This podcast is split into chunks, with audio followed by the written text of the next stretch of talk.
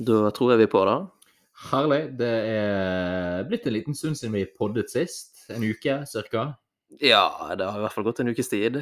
Ja, så veldig, veldig kjekt å være tilbake i, eh, i studio. Vi er jo et nytt studio denne gangen. Vi liker å eh, ja, teste ut litt forskjellige studioer, få litt uh, forskjellige input. Og det, det, er jo noe vi har merket at veldig mange uh, som du snakker mye med, Thomas, for du følger jo opp mye kunder på nettopp kosthold.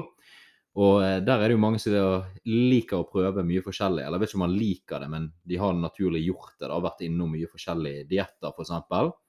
Absolutt. Eh, og det var jo som vi eh, nevnte i siste episode, at vi skulle snakke litt mer eh, i dag om eh, hvordan man skal legge opp til en bærekraftig kostholdsendring. Og da gjelder det jo kanskje å være litt mer eh, på en måte konsekvent da, på, på hva man gjør. Eh, så vi tenkte vi skulle dele prosessen som, eh, som du har lykkes veldig mye med. Eh, på de type ja, klientene du har fulgt opp gjennom tiden. Så det ser jeg veldig frem til å høre mer om i dag, Thomas.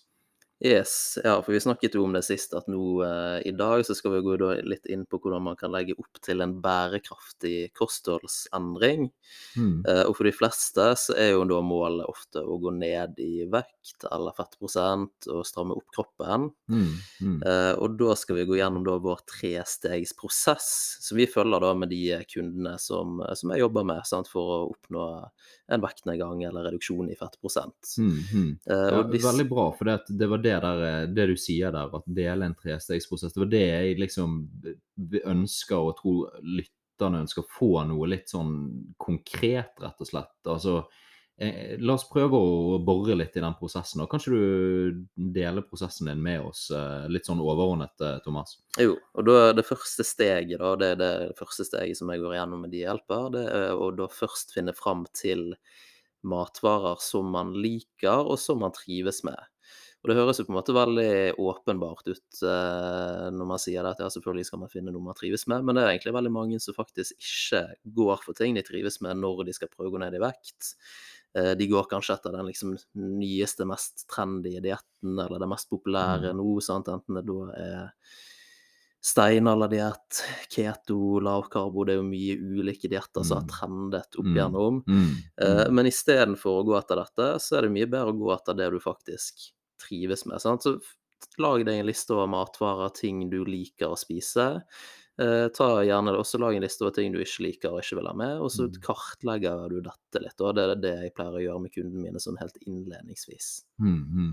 Det høres jo, høres jo, på en måte veldig sånn enkelt ut, da, men er, altså, er det så lett som det, eller må du være noe selektiv der? Altså Du kan si jeg digger jo å spise Grandis og, og, og kebab, liksom. Det, så ærlig må jeg være. men kunne det vært med på en sånn liste? Hvor, hvor streng skal man være, egentlig? Der er du jo litt sånn Altså, sånn i, te i, teorien så kan man jo faktisk gå ned i vekt eh, og bare spise junkfood. sant? Du kan spise bare Grandis og kebab og burger, og du kan likevel nå målene dine for eh, gang, Men selvfølgelig så skal man jo prøve å gjøre ting litt sunt også, sant? så det er jo lurt å tenke litt sånn kanskje 80-20 %-regel her. At du unner deg litt kos gjennom uken og litt mer mm. sånn junkfood, men prøv å holde det litt sånn til litt sunnere alternativer ellers, da. Ja, så det du egentlig sier da, det er at det, det det går ut på, det er å rett og slett Ja, når du har på en måte lagd deg denne listen her, og rett og slett tilpasse, da? Det, kan jeg gjette at det er kanskje et av eh, stegene i prosessen? Ja, for det er steg nummer to det går jo på å tilpasse mengdene. Ja, men da gjettet jeg jo ikke. Eh, så da, da, har du helt rett. Eh, etter at vi har kartlagt litt type hva folk liker å spise, og hva de ikke på en måte vil ha med, så handler det jo først og fremst om å tilpasse mengdene av denne maten. Mm, mm. Uh, og det er jo noe som de fleste sliter litt med, så for de kundene som jeg jobber med, så hjelper jeg jo selvfølgelig naturligvis med å gjøre denne tilpasningen for dem. Sånn at de vet bare hvor mye de trenger å spise, men de gjør ikke noen utregninger sjøl. Men i praksis så kan man jo selvfølgelig få dette til på egen hånd også. Mm. Og da gjelder det selvfølgelig da å tilpasse mengdene, sånn at du er på et kalorinivå som vil tillate deg å gå ned i vekt. da. Ja, OK, sant. For det at én ting er jo steg én her, er jo åpenbart Det er jo relativt lett, sant. Altså Absolutt. å sitte seg ned og lage på en måte en liste over det du liker, men det er jo nå at på en måte kompetansen og, og sånn kommer inn. Men her òg Eh, altså jeg tenker litt sånn, hva, hva gjør du for eh, Altså, er det én formel, eller må du ikke liksom jobbe litt med dette her? Kanskje liksom prøve å finne det konkrete, justere rett og slett, da? Jo, for det første finner du på en måte et utgangspunkt. Det finnes jo veldig mange kalkulatorer som du kan finne på internett, som vil da estimere din forbrenning gjennom dagen, sant? basert på høyde, vekt, alder, eh, aktivitetsnivå. Men det er bare estimater, sant. Og da skal du ned i vekt, så må du gjerne finne et sånt bra estimat, ligge det litt under det.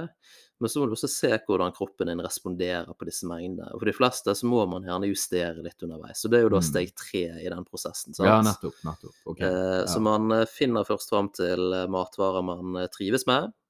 Eh, Prøver å holde det mest mulig sunt, men tillate for litt kos også.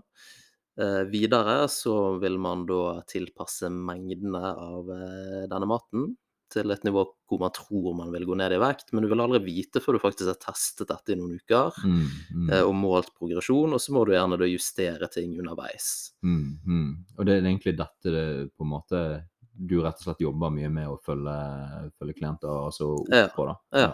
I forhold til vekt og fettprosent, så er egentlig altså dette er 90 av det vi gjør, eh, som faktisk gir resultater.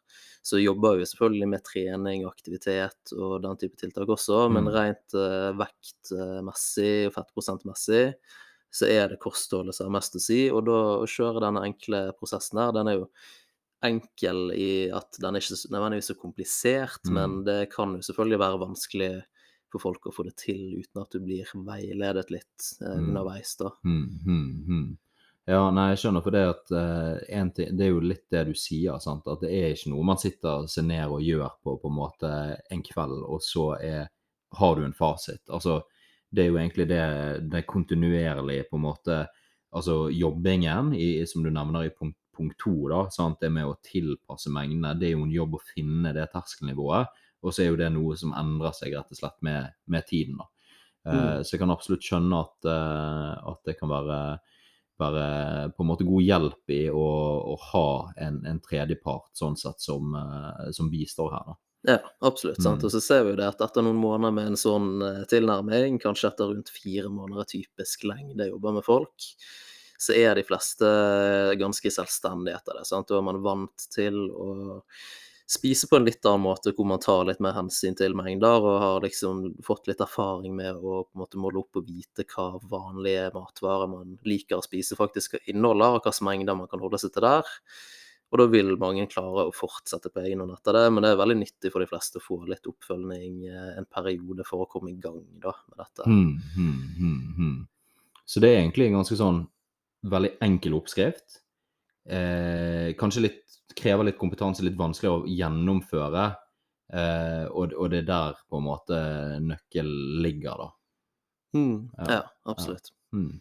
Nei, men Herlig, Thomas. Da har vi gått gjennom eh, en, eh, en fin prosess. Og så tenker jeg at disse tre punktene kan vi gå eh, dypere inn på kanskje i senere episoder. Og forhåpentligvis så vil jo ikke det bli så lenge til at vi får poddet litt igjen. Det har jo blitt et litt langt juleopphold eh, for oss. Eh, og eh, hva skal du si? Det er jo det er jo overveldende god respons vi har fått på, på podkastene hittil, av de 20 lytterne vi har. så, men Vi er oppe i eh, 54, så jeg, så det er overraskende mange igjen. Å, gi satan i helvete!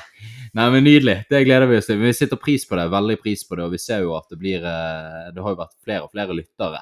Altså når vi faktisk lagde episoder. men det skal vi gjøre mye mer av. Så uh, vi snakkes på igjen snart. Hei, hei!